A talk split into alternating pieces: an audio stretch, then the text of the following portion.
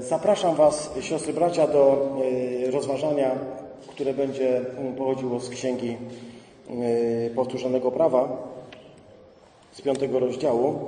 Tematem dzisiejszego rozważania, y, czy temat brzmi Przekuj moje ucho, o Panie.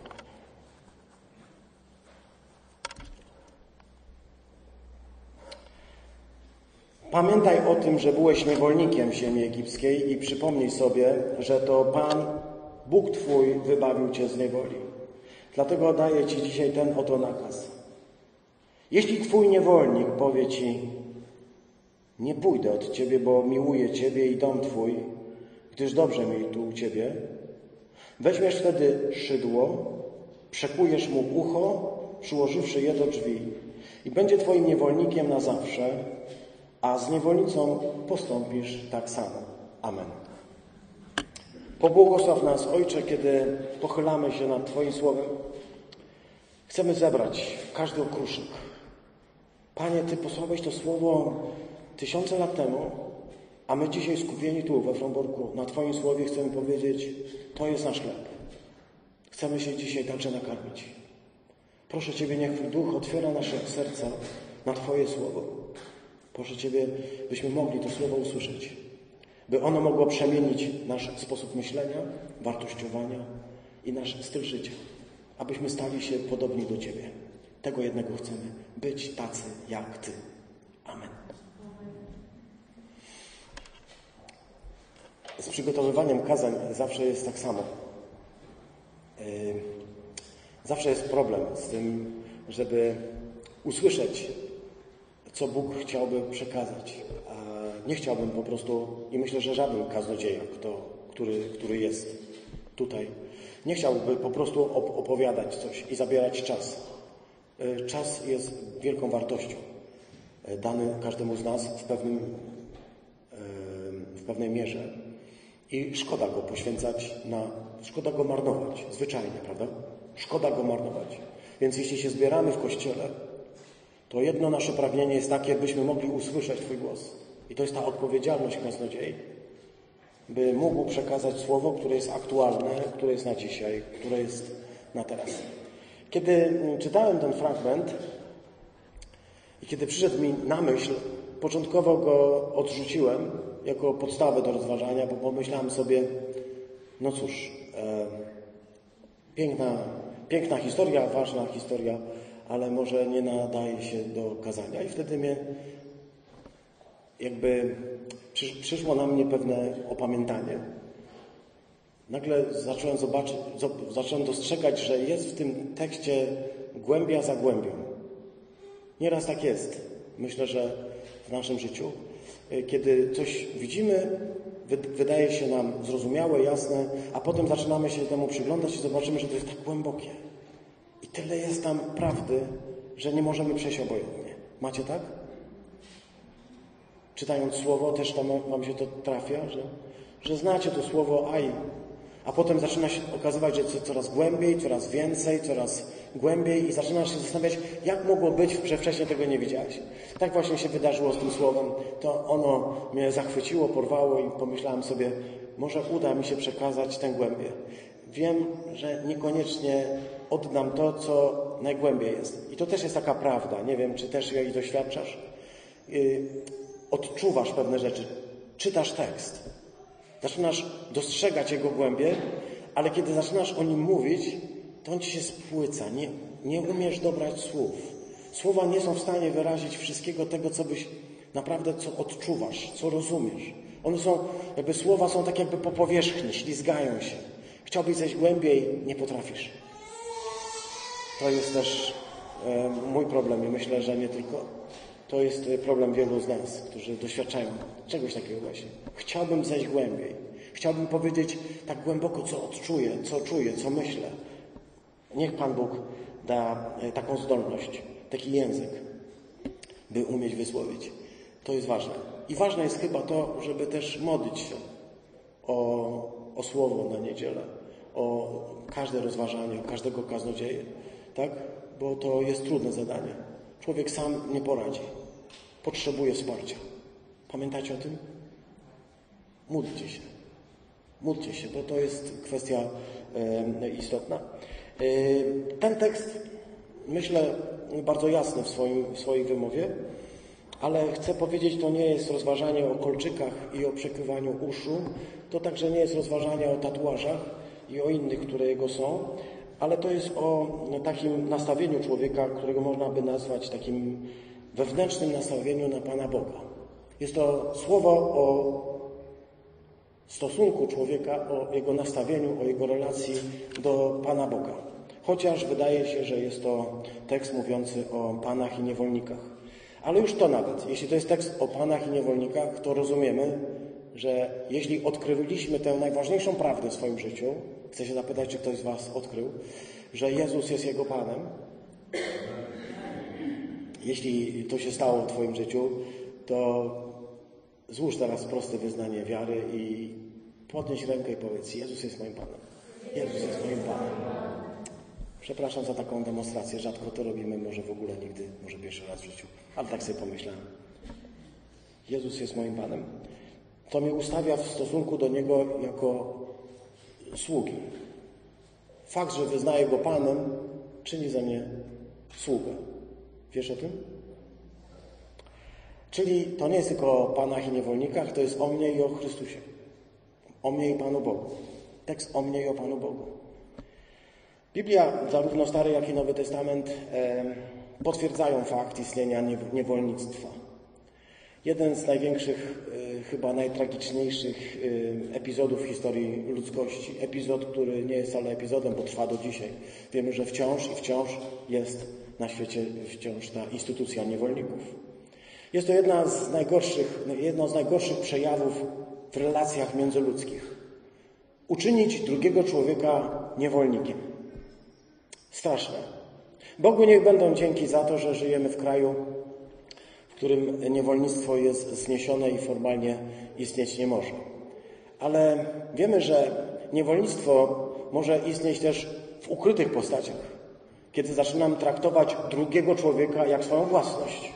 Może to być mój, e, moja żona, może to być małżonek, może to być dziecko, może to być rodzic. Zaczynam traktować drugiego człowieka, jakby był moją własnością, jakby mógł nim rozporządzać. To tak łatwo przychodzi, szczególnie w relacjach między dziećmi i rodzicami, bo przez pewien czas dzieci rzeczywiście są zupełnie od nas zależne i bardzo łatwo uczynić z nich niewolników, ale gorzej jeszcze, uczynić siebie z myślą, że się jest Panem.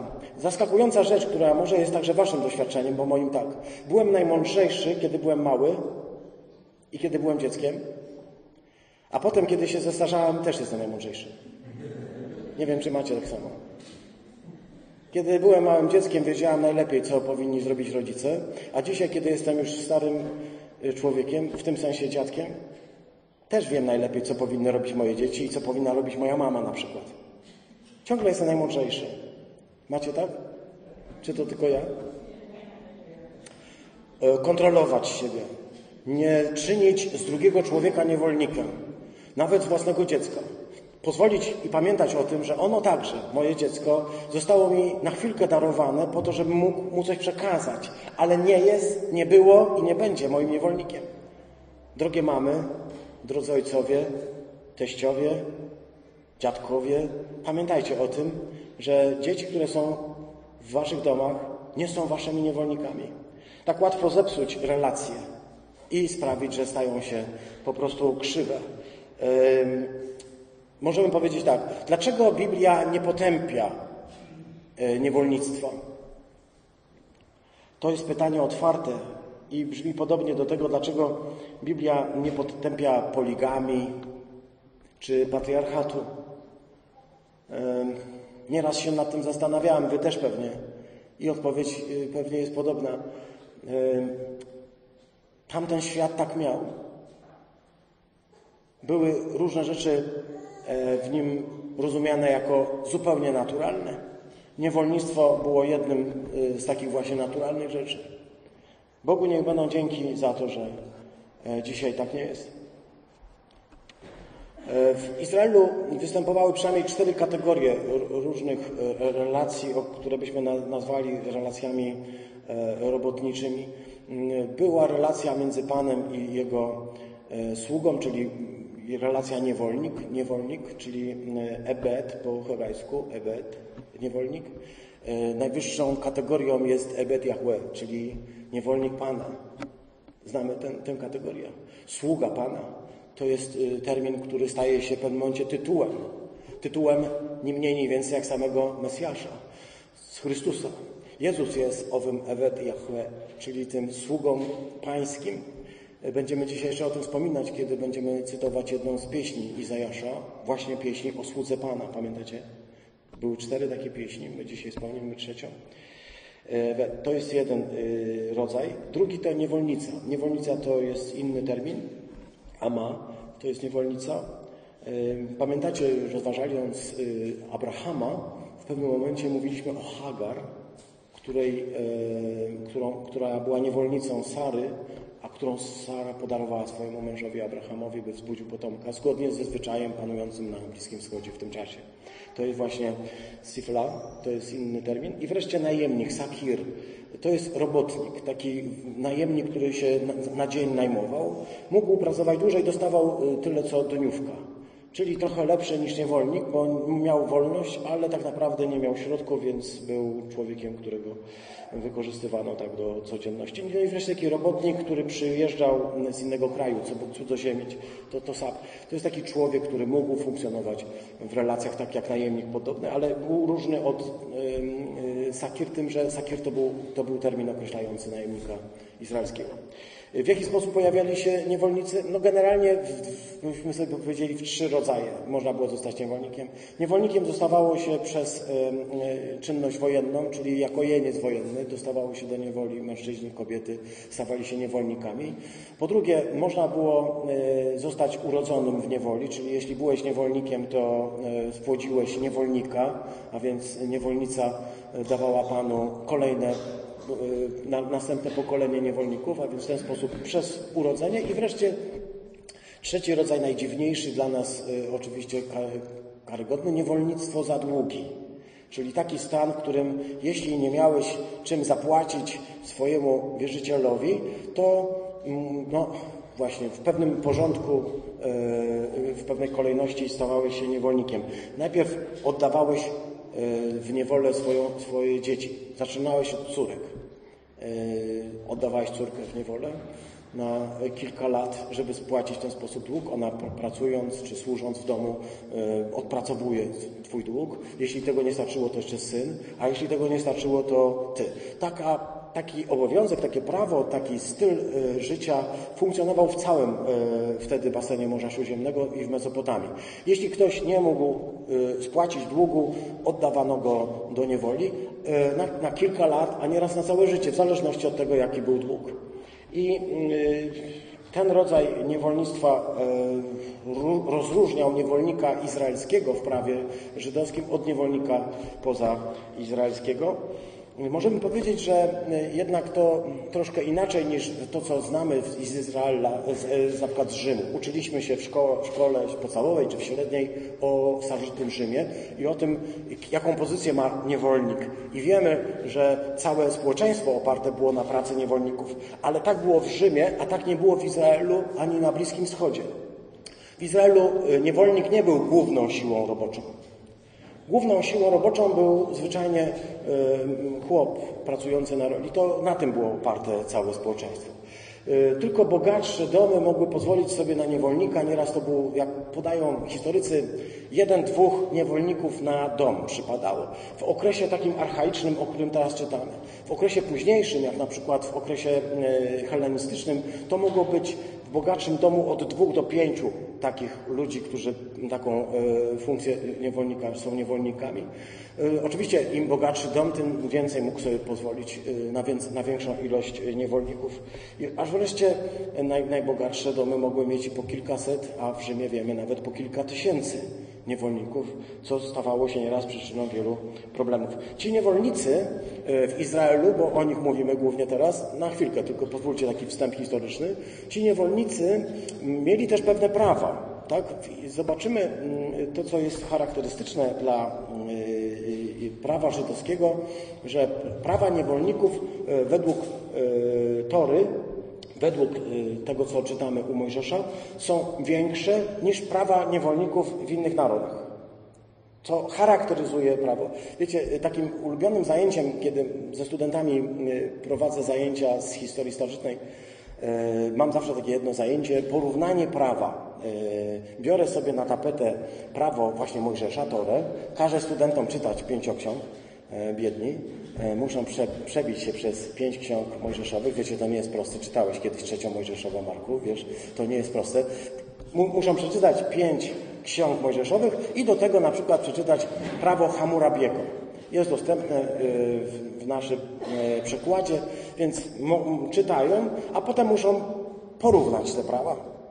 Chcę, chcę, to zrobić, żeby y, w ten sposób, jakby pra, prowadząc pracę na źródłach, zobaczyć, jaka jest różnica między prawem Hammurabiego, które obowiązywało na Bliskim Wschodzie w XVIII wieku przed Chrystusem i do dzisiaj w niektórych rejonach obowiązuje na Bliskim Wschodzie. W nim jest innymi słynne prawo talionu, tak? czyli prawo równowagi. Jeśli ktoś ci wybił oko, masz prawo mu wybić oko. Oko za oko, ząb za ząb. To jest prawo talionu. Ono znajduje się w prawie Hammurabiego, zapisane w XVIII wieku przed Chrystusem. Znajdujemy je także w Biblii, zapisane no, za Mojżeszem no, w XII-XI wieku spisane, a więc y, młodsze. To samo prawo talionu. Oko za oko, ząb za ząb. E, kiedy porównujemy te prawa, e, to ja zwracam uwagę także studentom na, e, na to, by mm, porównali prawo dotyczące niewolników i tutaj jest e, pewne zaskoczenie, ponieważ niewolnicy w Izraelu mają, e, są inaczej usytuowani niż niewolnicy w, e, w, na przykład w prawie Hamurabiego. W prawie Hamurabiego było tak, jeśli pozwolicie, jeszcze chwilkę, w prawie Hamurabiego było tak, że niewolnik był absolutną Twoją własnością. Mogłeś z nim zrobić, co chciałeś, mogłeś mu zrobić, co chciałeś i on był tak bardzo Twoją własnością, że mm, y, przechowywanie cudzego niewolnika było karane śmiercią. To jest Twoja własność. Jeśli ktoś by przyjął Twojego niewolnika, przyszedłby na skargę, powiedział, że jego pan go bije, to skończyłoby się to dla Ciebie dramatem. Po prostu niewolnik, jak później powie Arystoteles, jak będą mówić Rzymianie, to narzędzie z duszą. On nie jest człowiekiem. Bo chociaż ma ciało i umysł, to nie posiada jednej rzeczy, którą ma człowiek. Mianowicie wolnej woli. Nie posiada wolnej woli, przez to nie jest człowiekiem. W starożytności wierzono, że niewolnik, jako że nie ma woli, sama nazwa troszkę wolność, wola, prawda, blisko, niewolnik, który nie ma woli, jego wola jest w ręku jego pana, w związku z tym on nie jest w pełni człowiekiem, a więc możesz go traktować jak nie w pełni człowieka. Mogłeś więc z nim zrobić, co chciałeś. Jak uciekł, to miałeś go prawo przyciągnąć, przyprowadzić. Mogłeś go piętnować, mogłeś mu robić znaki z wypalonego metalu na twarzy. Mogłeś zrobić z nim, co chciałeś, tak? Mamy takie wrażenie o niewolnikach w starożytności? Chyba tak. Natomiast w Izraelu, w Izraelu relacja do niewolnika jest inna. Niewolnik nie jest osobą, z którą możesz zrobić, co chcesz. W Izraelu nie, nie, chcę przywoływać tych tekstów, bo to nie jest rozważanie teraz o niewolnikach. Chcę tylko tak y, jakby trochę z głowy, trochę do waszej wiedzy, którą tak i tak macie, chcę ją przypomnieć. Niewolnik w Izraelu był traktowany jako istota ludzka w pełnym tego słowa znaczeniu. A więc, jeśli Pan uderzył niewolnika, pamiętacie, i wybił mu ząb, to w nagrodę, że mu wybił ząb, musiał go uwolnić jeśli wybił mu ząb, jeśli złamał mu rękę, jeśli wybił mu oko, jest napisane, jeśli zrobiłeś krzywdę swojemu niewolnikowi i on ma na tym e, jakąś stratę, to Twoim obowiązkiem jest mu zrekompensować tę stratę, uwalniając go z niewoli. Zupełnie inaczej niż, niż we wcześniejszych. Ale jest jeszcze jeden przepis, który jest najbardziej zaskakujący. Przepis, który mówi, że jeśli niewolnik jest źle traktowany w Twoim domu, to ma prawo uciec. I jeśli ucieknie do kogoś innego i powie, że jego pan źle go traktuje, to straciłeś swojego niewolnika, bo go nieludzko traktowałeś. Co znaczy, że nie możesz go po prostu traktować zupełnie tak, jakbyś sobie tylko życzył. Rozumiesz? Chcę zwrócić Waszą uwagę na te fakty, ponieważ one pokazują e, dużo większą, jakby taki duży, większy, dużo większy humanizm, pewien rodzaj humanitaryzmu, który znajdujemy w Biblii, a którego na przykład w prawie Hammurabiego nie znajdziemy. Moglibyśmy y, te rzeczy oczywiście rozwinąć i pokazywać, y, jakie mają prawa i jakie mają obowiązki, ale pozwólcie, że na tym poprzestanę. W, Księdze Powtórzonego Prawa przeczytaliśmy to słowo, które tutaj jest a mm, podobne znajduje się w Księdze Wyjścia w rozdziale 21, 5, 6 wierszu. Właściwie to samo, tam może nie jest tylko powiedziane y, to, że mm, y, dotyczy to tak samo mężczyzn, jak i kobiet, niewolników, jak i niewolnic. Ale też, jeśli przyjdzie do Ciebie y, Twój niewolnik i mm, nastąpi czas uwolnienia go, wtedy on ma prawo stanąć przed Tobą i powiedzieć Ci, słuchaj, nie chcę nie chcę iść nigdzie indziej. Dobrze mi tutaj jest, u Ciebie. Do tego wątku jeszcze y, musimy wrócić. Y, widzimy, że to znajduje się także w Księdze Wyjścia w 21 rozdziale. Y, jeśli po, pozwolicie, tutaj znajduje się ten przepis, który już został wspomniany w Księdze Powtórzonego prawa w 23 rozdziale, e, na, na własne oczy możecie się przekonać, e, nie wydasz Panu niewolnika, który się schronił Ciebie przed e, swoim właścicielem. Z Tobą będzie przebywał w Twoim kraju, w miejscu, gdzie sobie wybierze, w jednym z Twoich miast, gdzie będzie się czuł dobrze i nie będziesz go dręczył. To jest ta humanitaryzm. Niektórzy mówią, badacze, historycy, że to dotyczy tylko niewolników obcych, tak, którzy uciekli, zbiegli ze swojego kraju, gdzie obowiązywały te dramatyczne prawa, że mogły się znęcać nad niewolnikiem i nic ci z tego powodu nikt nie zrobił. Jeśli uciekł do, do ciebie, to ty stawałeś się yy, no, on, on stawałeś się ochroną. Yy, jeśli przybyli do Twojego kraju ludzie powiedzieli, ten, ten człowiek uciekł od niewoli i trzeba go yy, zgodnie z prawem własności wrócić, to powiedziałeś nie. Na pytanie, dlaczego nie? Dlatego, że jesteśmy wolnym krajem i mamy prawo niewolników, których źle traktowaliście, uwalniać. Nasza ziemia, i tu powie piękny Izajasz, zwróć uwagę na to, 16 y, rozdział. Izajasz w 16 rozdziale mówi, udziel nam rady, podaj wskazówkę, jak e, w nocy połóż e, Twój cień w samo południe, ukryj wygnańców, nie zdradź tułaczy, niech znajdą gościnę u Ciebie rozbitki Moabu, bądź im ucieczką przed pustoszycielem. A więc ziemia Izraela, mogę tak powiedzieć, Kościół, ma być przestrzenią, takim azylem, w którym człowiek ma prawo się schronić, tak? Ziemia Izraela jest obliczona jako miejsce, gdzie ludzie, którzy byli źle traktowani, traktowani jak niewolnicy, mają prawo wrócić, y, stać się ludźmi pełnowartościowymi, a Izrael ma obowiązek traktowania niewolników jako ludzi w pełnym tego słowa znaczeniu. I mamy im zapewnić, mówi słowo, y, swobodę, wolność i y, nie, nie będziesz się nad nimi znęcał. Nie chcę teraz mówić o polityce. Wspominam co prawda Szydło, ale nie panią premier. Taki dowcip. Szydło. Czyli narzędzie wykonane najczęściej, jak zobaczymy, z metalu, z metalu służące do tworzenia otworów. Nie tylko w skórze, także w drewnie, w innych twardych materiałach, w kości, szydło. Używane było już w czasach paleolitu, y, ponieważ jeśli człowiek zaczyna nosić na sobie ubranie ze skóry, to żeby zszyć to ubranie potrzebny był taki, wiesz, kawał narzędzia ostrego, w którym mogłeś robić dziurki i przeplatać właśnie sobie nicią, zszywać, tak? Czyli szydło służy właśnie do tego, by zszywać. Tu mamy przykład takiego szydła właśnie z okresu paleolitu, a kolejne to szydło właśnie z okresu już izraelskiego, z kości robione. Jak widzisz, y, tak zrobione, żeby miało otwór wewnątrz, żebyś mógł nić przewlec przez to, a więc do tego to służyło. Dzisiejsze szydła wygląda, wyglądają już zupełnie inaczej. Y, znasz, to ostry szpikulec, prawda, którym przebijasz skórkę, gdy chcesz pracować szewc to ma garbarze, czy inni kaletnicy używają takich rzeczy do, do swojej pracy. I tutaj mm, takie szydło mm, niech zostanie na chwilkę nam. Takie szydło mm, jest przedmiotem naszego zainteresowania. Przeczytaliśmy w tekście, który był przedłożony, że jest taki nakaz, który znajduje się w prawie i to też jest humanitaryzm, żeby niewolnika, który dostał się za długi, Hebrajczyka, nie dotyczy innych, Hebrajczyka, e, po sześciu latach służby uwolnić. Po sześciu latach uwolnić. E, podstawą tego uwolnienia, jak czytaliśmy, pamiętacie ten tekst, który był wyjściowy, podstawą jest to, żebyś pamiętał, abyś przypomniał sobie o tym, że ty też byłeś niewolnikiem.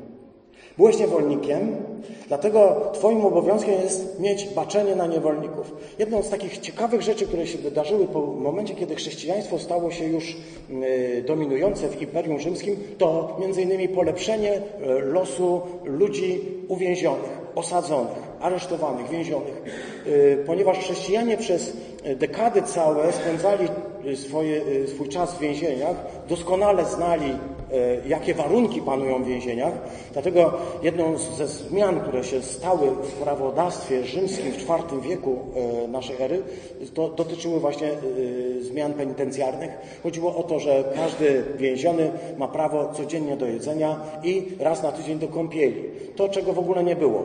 A więc z faktu, że my, chrześcijanie, spędziliśmy dużo czasu w więzieniach, wynikała liberalizacja prawa penitencjarnego. Z faktu, że Izraelici byli niewolnikami, wynika to, że mamy mają inaczej postępować wobec niewolników.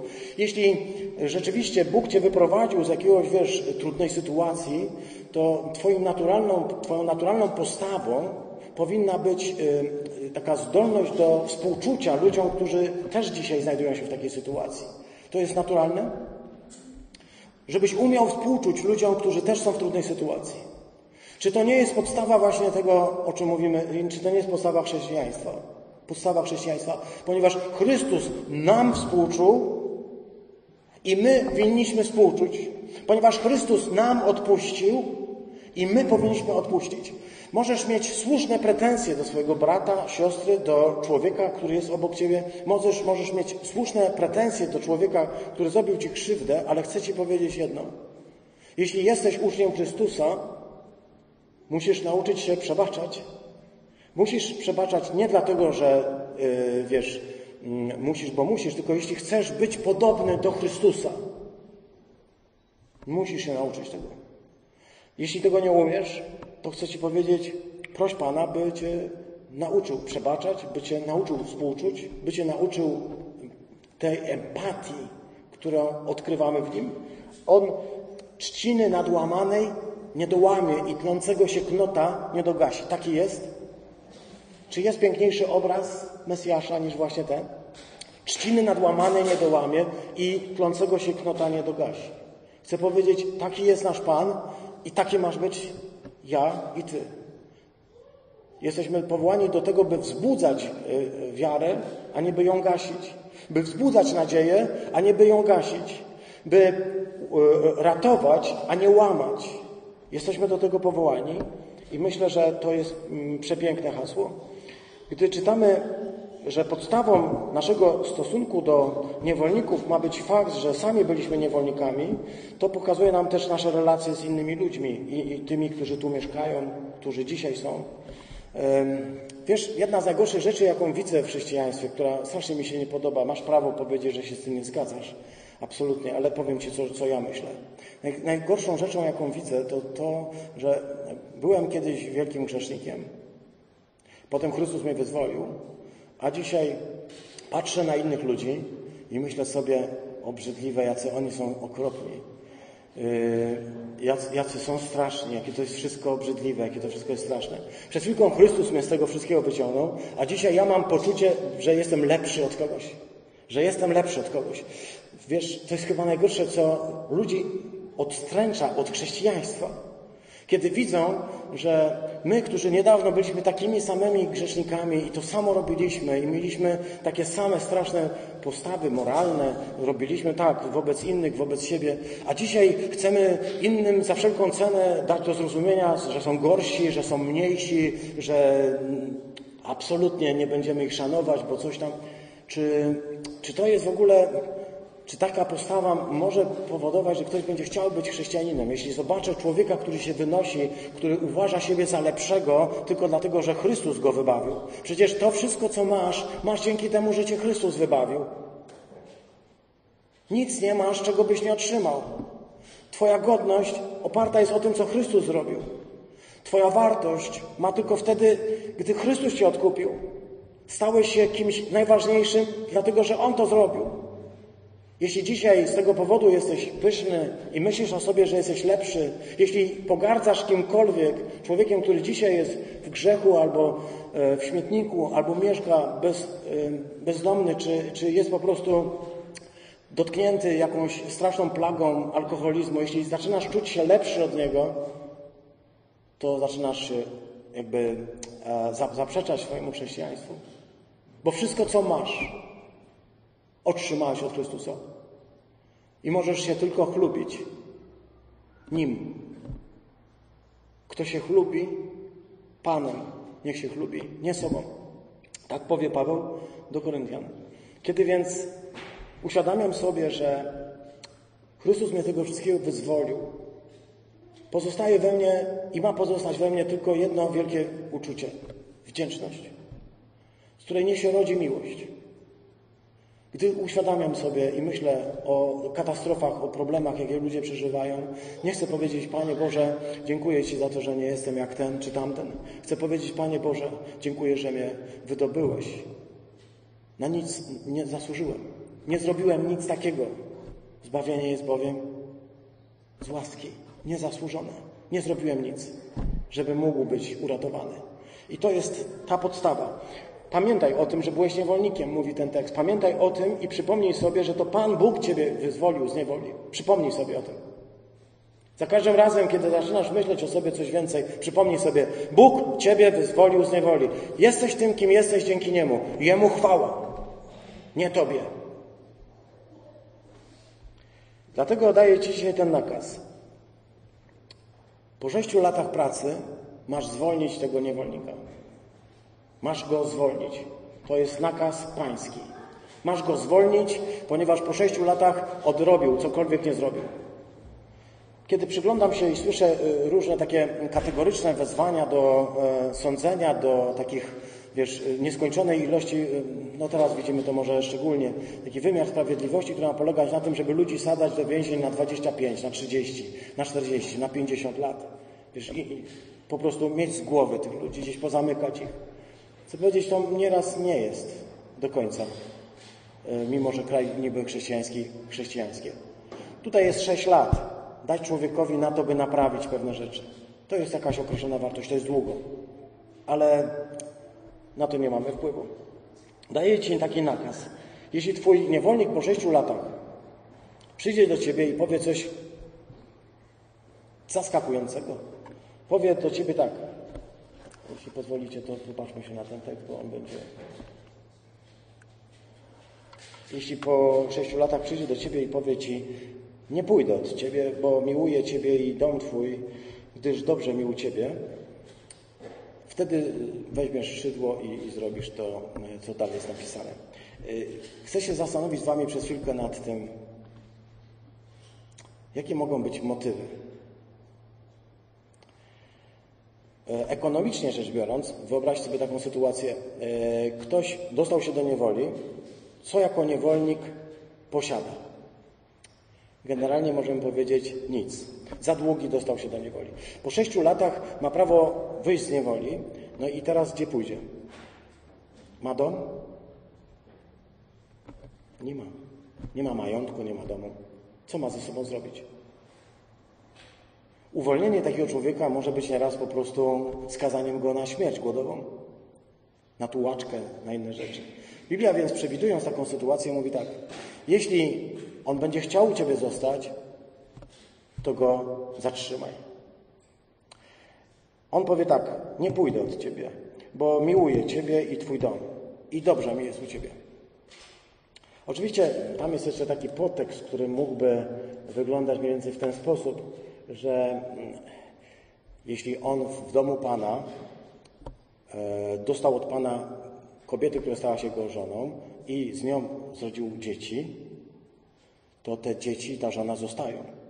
A więc to, że on e, wyjdzie, ma prawo do wolności, on, on może wyjść, ale jego dzieci zostają. Więc on z wyboru, żeby zostać z dziećmi i z żoną, chce zostać niewolnikiem. Bo Pan ma prawo go zwolnić, ale jej Niekoniecznie. I dzieci urodzonych w tym związku też nie. Więc to jest też Y, Chcę, żebyś to zrozumiał. To jest też jakby jego decyzja y, związana z takim y, może brakiem wyboru, bo chce być z żoną i z dziećmi, dlatego nie może. I teraz sam akt. Weźmiesz wtedy szydło, przekujesz mu ucho, przyłożysz je do drzwi i będzie twoim niewolnikiem na zawsze i tak samo postąpisz z niewolnicą. Masz wziąć go za ucho, postawić go przy drzwiach swojej bramy, swojego domu, wziąć takie szydło i przebić mu ucho i przybić je do e, drzwi. Makabryczne. Nie wiem, jak wygląda mm, wasza, no jak, jak, jak, jak myślicie, co myślicie, czy wam się to podoba, ale to chyba makabryczne. Boli bardzo.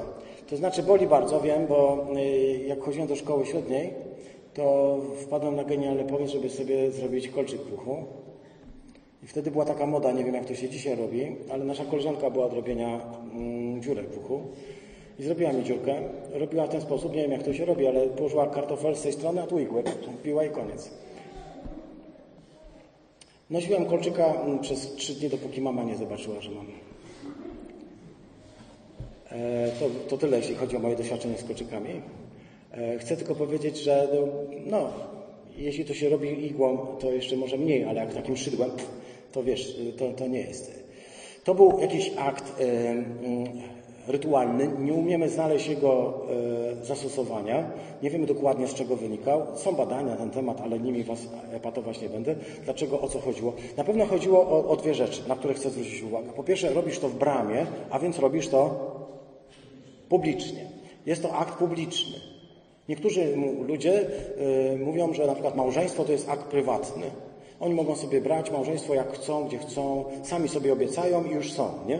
To fajne jest, ale małżeństwo nie było, nie jest i nie będzie nigdy aktem prywatnym. To jest zawsze akt publiczny, bo dotyczy nie tylko dwojga ludzi, ale także dwóch, dwóch rodzin, które się w ten sposób chcą, nie chcą, wiążą ze sobą, jak tych Montekich i Capulettich. Ale to na inną historię. Więc po pierwsze to jest akt publiczny. Biblia mówi o takim akcie publicznym, a po drugie dotyczy y, Twojego ucha. E, Czym jest ucho? Narządem słuchu. Słuch wiąże się z posłuszeństwem. A więc w ten sposób przybicie kogoś e, szydłem do drzwi mojego domu oznacza, że on będzie od tej pory posłuszny i będzie należał do tego domu, bo jest do niego przybity, tak, dosłownie, przykuty do tego domu i przez ucho, nie przez nos, prawda, nie przez ręce, tylko właśnie przez ucho, aby słuchał i aby był posłuszny. To jest jakiś rytualny akt nieznanego bliżej pochodzenia, choć tam próbuje się odnaleźć pochodzenie w prawach esznudne jeszcze z XX wieku przed Chrystusem, ale zostawmy tę kwestię. To jest akt, który oznacza posłuszeństwo. Biblia go wykorzystała, żeby pokazać pewną prawdę. Dobra. Czyli po sześciu latach należało wypuszczać niewolnika. E, takie jest prawo. Chcę się zapytać Was, siostry bracia, tylko dla takiego uporządkowania. Czy Izraelici przestrzegali tego prawa? Nasz umiłowany Jeremiasz mówi nam, że nie. A prorocy powiedzą, że jednym z powodów, dla którego Izrael będzie skazany na 70, znaczy Juda na 70 lat niewoli, będzie właśnie to, że będzie musiał odpracować te wszystkie lata, kiedy nie oddawali, nie uwalniali niewolników. Czyli prawo sobie, a życie sobie. Tora nakazywała uwalniać po sześciu latach, co nie oznacza wcale, że Izraelici uwalniali.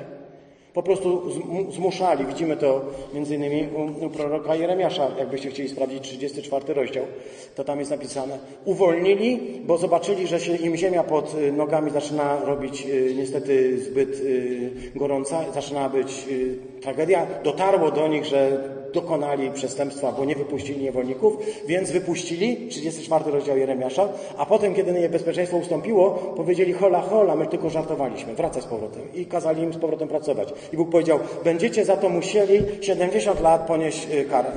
Za to, że nie przestrzegaliśmy prawa. Gdy się przyglądamy y, temu wydarzeniu przykucia ucha do y, domu, to myślę sobie tak, i tym powolutku zmierzamy ku końcowi. Można zapytać, po co tyle wątków potwieranych? Skoro puenta będzie może jakby nie potrzebowała aż takiego prowadzenia.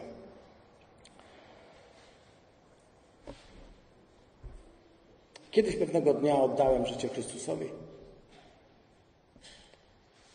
Myślę, że wiedziałem, co robię. Byłem świadomy tego.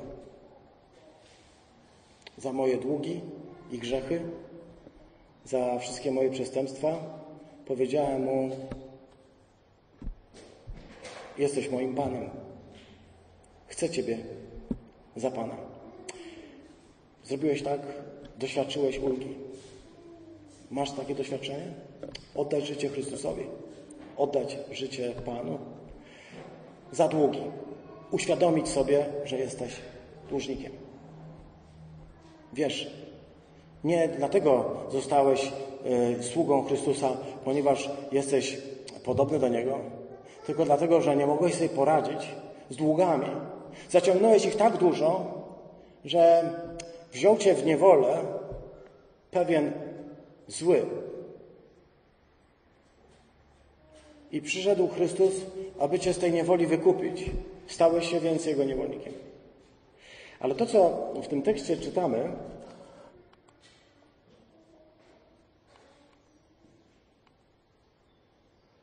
to to, że Chrystus nie trzyma cię na siłę.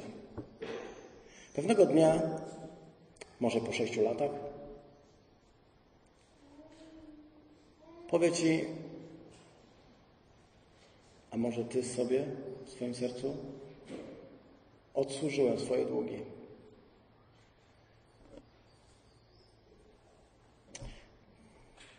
Nie wyobrażam sobie tego, ale znam ludzi, którzy w pewnym momencie stwierdzają, że oni już dość się nasłużyli Chrystusowi. Może tak być?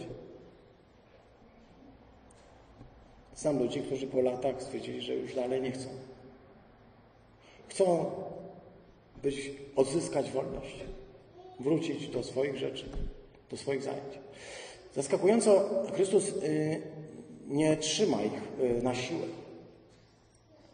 Człowiekowi daje wolność do tego, by odszedł. Tak? Tak uczymy? Chrystus daje człowiekowi wolność do tego, żeby odszedł.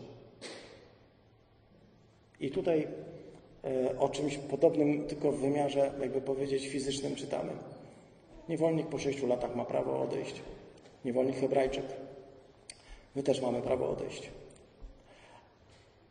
I nie wiem dlaczego tak jest, ale myślę sobie, że może pewnego dnia przyszedł taki czas, byś sobie zadał pytanie po raz drugi, czy chcesz, czy chcesz na pewno. Znasz już trochę swojego Pana.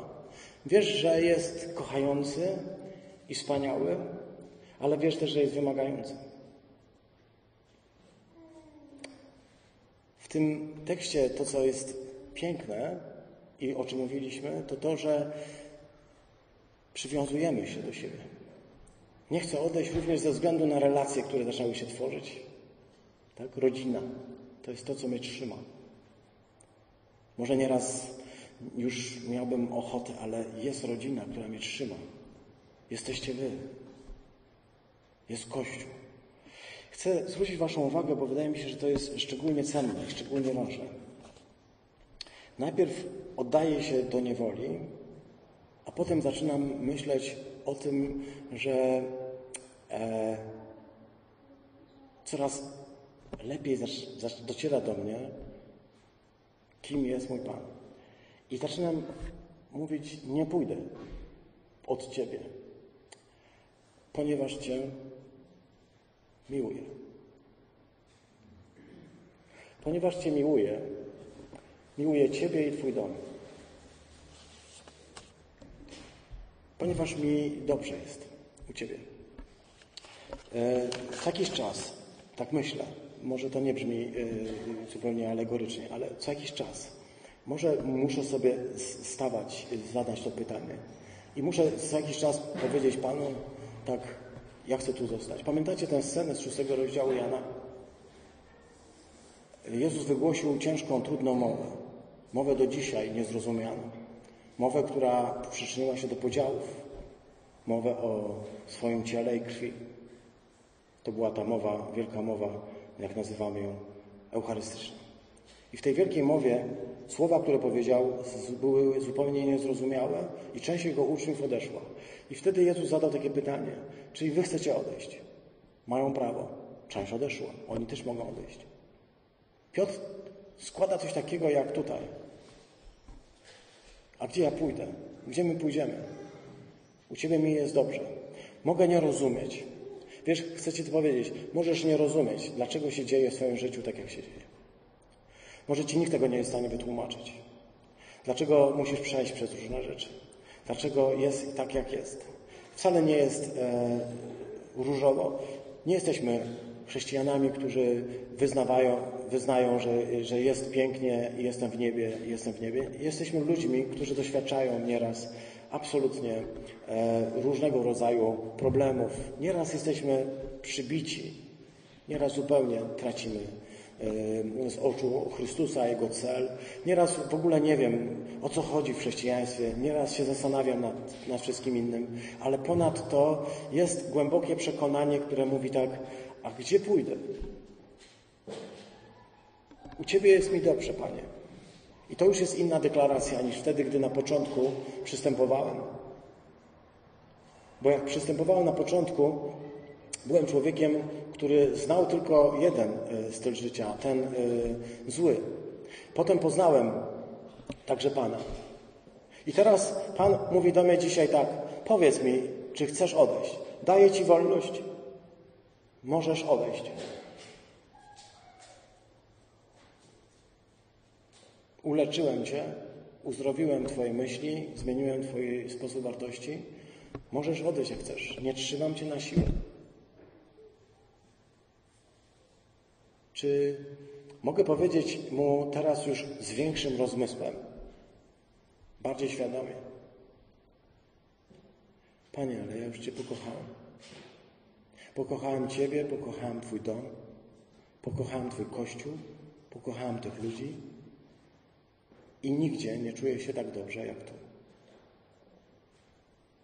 Dzisiaj to powiedział Grześ.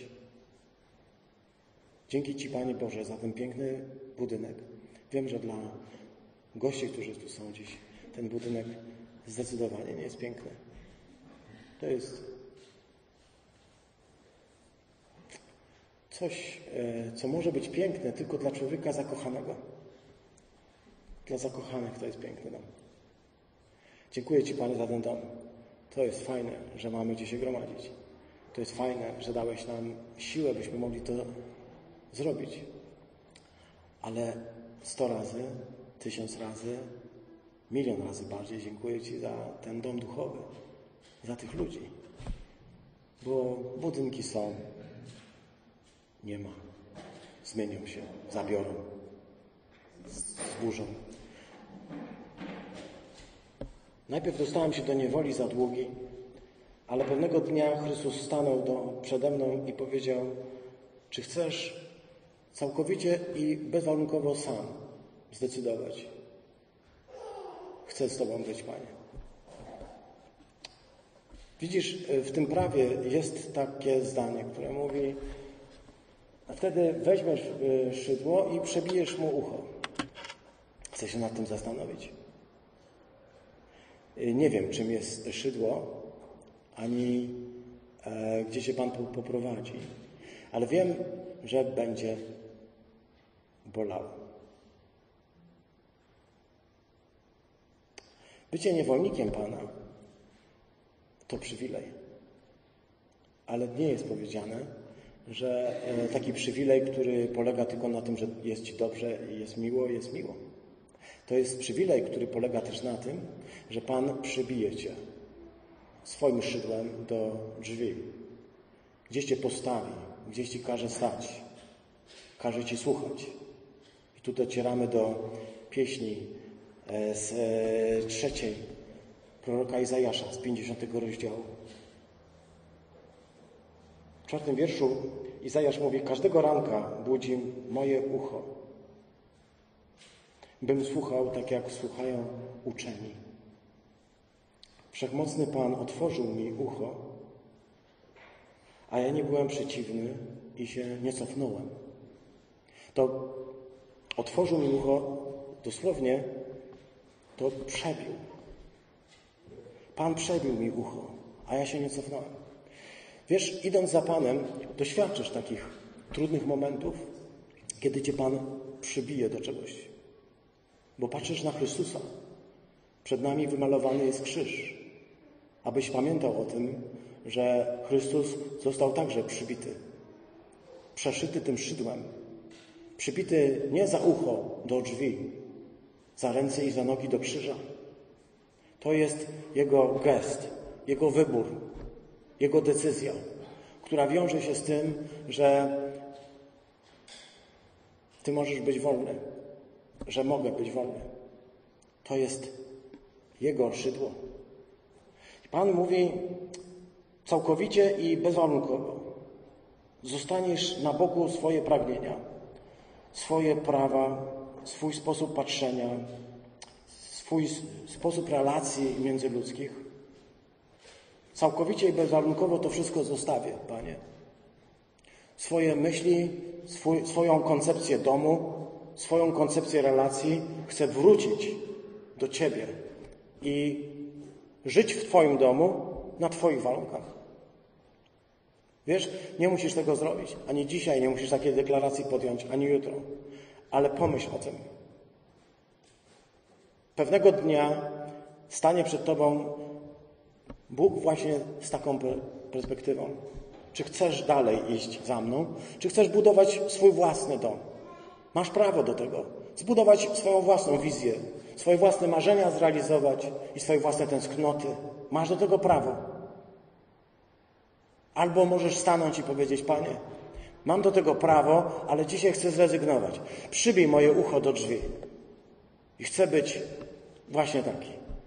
Zawsze w Twojej świątyni, zawsze w Twoim domu. Na Twoich warunkach. Ze świadomością, że będę Twoim niewolnikiem do końca. Ale On nie będzie mnie traktował jak niewolników. On mnie potraktuje jak syna. Czy syna się wiesza na krzyżu? Nie. Ale czy syna podnosi się wysoko z krzyża, by zasiadł po prawicy ojca? Tak. Możemy przejść różne trudne sytuacje. Możesz doświadczyć różnych trudnych rzeczy. Możesz nic nie rozumieć, ale chcę Ci powiedzieć, zasiądziesz z Chrystusem na tronie. Jeśli dasz sobie przebić ucho, jeśli pozwolisz i z własnej decyzji i z własnej deklaracji, nie pod wpływem jakichś emocji, nie pod wpływem kazania, nie pod wpływem jakichś, wiesz, mm, stanów euforycznych, nie pod wpływem tego, że ktoś cię do czegoś będzie namawiał, ale sam z własnej woli powiesz tak, Panie, mogę stąd odejść, ale chcę zostać. I chcę tu zostać na zawsze. Chcę zostać w Twoim domu. Powiedzcie, siostry, bracia, czy to nie jest Ewangelia? Czy w tym drobnym fragmencie, który dzisiaj czytam z Wami, nie znajdujemy samej istoty Ewangelii? Przechodzę nad takimi tekstami i ich nie rozumiem. Kiedy zobaczę, że to są jak studnie głębokie mądrości, wtedy padam na twarz przed Panem i mówię, każde Twoje słowo, Panie, jest cenne.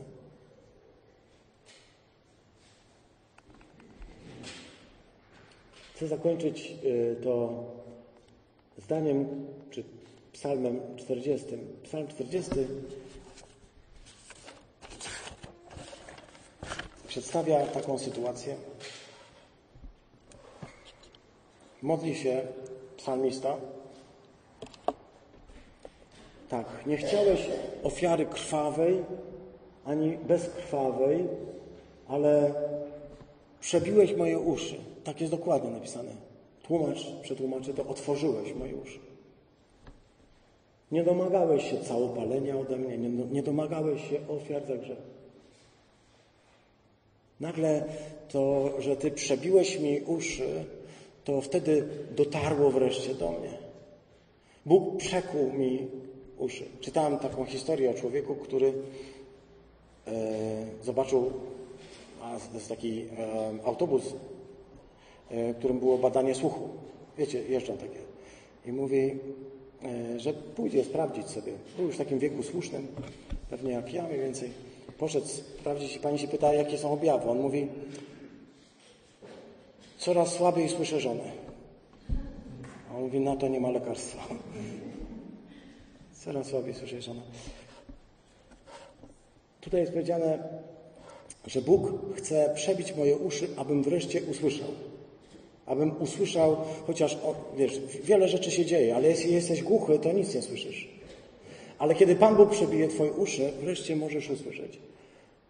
Wtedy powiedziałem, oto przychodzę. W Twojej księgi o mnie napisano, jest moją radością pełnić Twoją wolę, mój Boże, a prawo Twoje mieszka w moim wnętrzu. Ogłoszę, ogłosiłem Twoją sprawiedliwość w wielkim zgromadzeniu. Jest moją radością pełnić Twoją wolę. Odkryć, e, wiesz, kiedy z własnej decyzji stajesz po raz kolejny i mówisz, Panie, tak, chcę być Twoim niewolnikiem, przykuj mnie, otwórz moje uszy, przykuj mnie do, swojego, do, do swoich bram, do swojego domu, przybij mnie, chcę być wierny Tobie, chcę być Tobie idealnie posłuszny, to wtedy wreszcie mogę zacząć ofiarować Tobie coś. Wcześniej mógłbym składać różne ofiary. Wiesz, jak jesteś głuchy i nie słyszysz, co Bóg mówi, to możesz latać z różnymi rzeczami. I to Panu Bogu, i to, i to, i to, i to. Ale kiedy usłyszysz, co mówi, to będziesz mógł wreszcie składać ofiary tak, jak On chce. Nie musisz latać, wymyślać. Możesz z największą radością wypełnić wolę Twoją. Powie to także Chrystus. Autor do Hebrajczyków napisał w dziesiątym rozdziale, czy nie zaprzestano, by składać ofiar, gdyby raz oczyszczone sumienie tych, którzy je składają, zostało uwolnione od grzechów, ale to właśnie te ofiary, co roku ponawiane, przypominają o grzechach. Niemożliwe jest bowiem, by krew byków i kozłów obmyła grzechy, dlatego przychodząc na świat, Chrystus mówi: Nie chciałeś ofiary ani daru, za to przygotowałeś mi ciało. Nie znalazłeś upodobania w całopaleniach i ofiarach za grzech, dlatego powiedziałem: Oto przychodzę. W swoją księgi napisano o mnie: Uczynię Twoją wolę, o Panie, o Boże. Niech będzie to i naszą modlitwą. Pan Bóg chce zamiast ofiary posłuszeństwo. Tego byśmy przylgnęli do Jego słowa. Czy jesteś gotowy? Czy dzisiaj znowu jesteś gotowy powiedzieć tak, Panie? Przybij moje ucho. Zerwałem się, ale chcę wrócić. Przypominam, jestem Twoim sługą.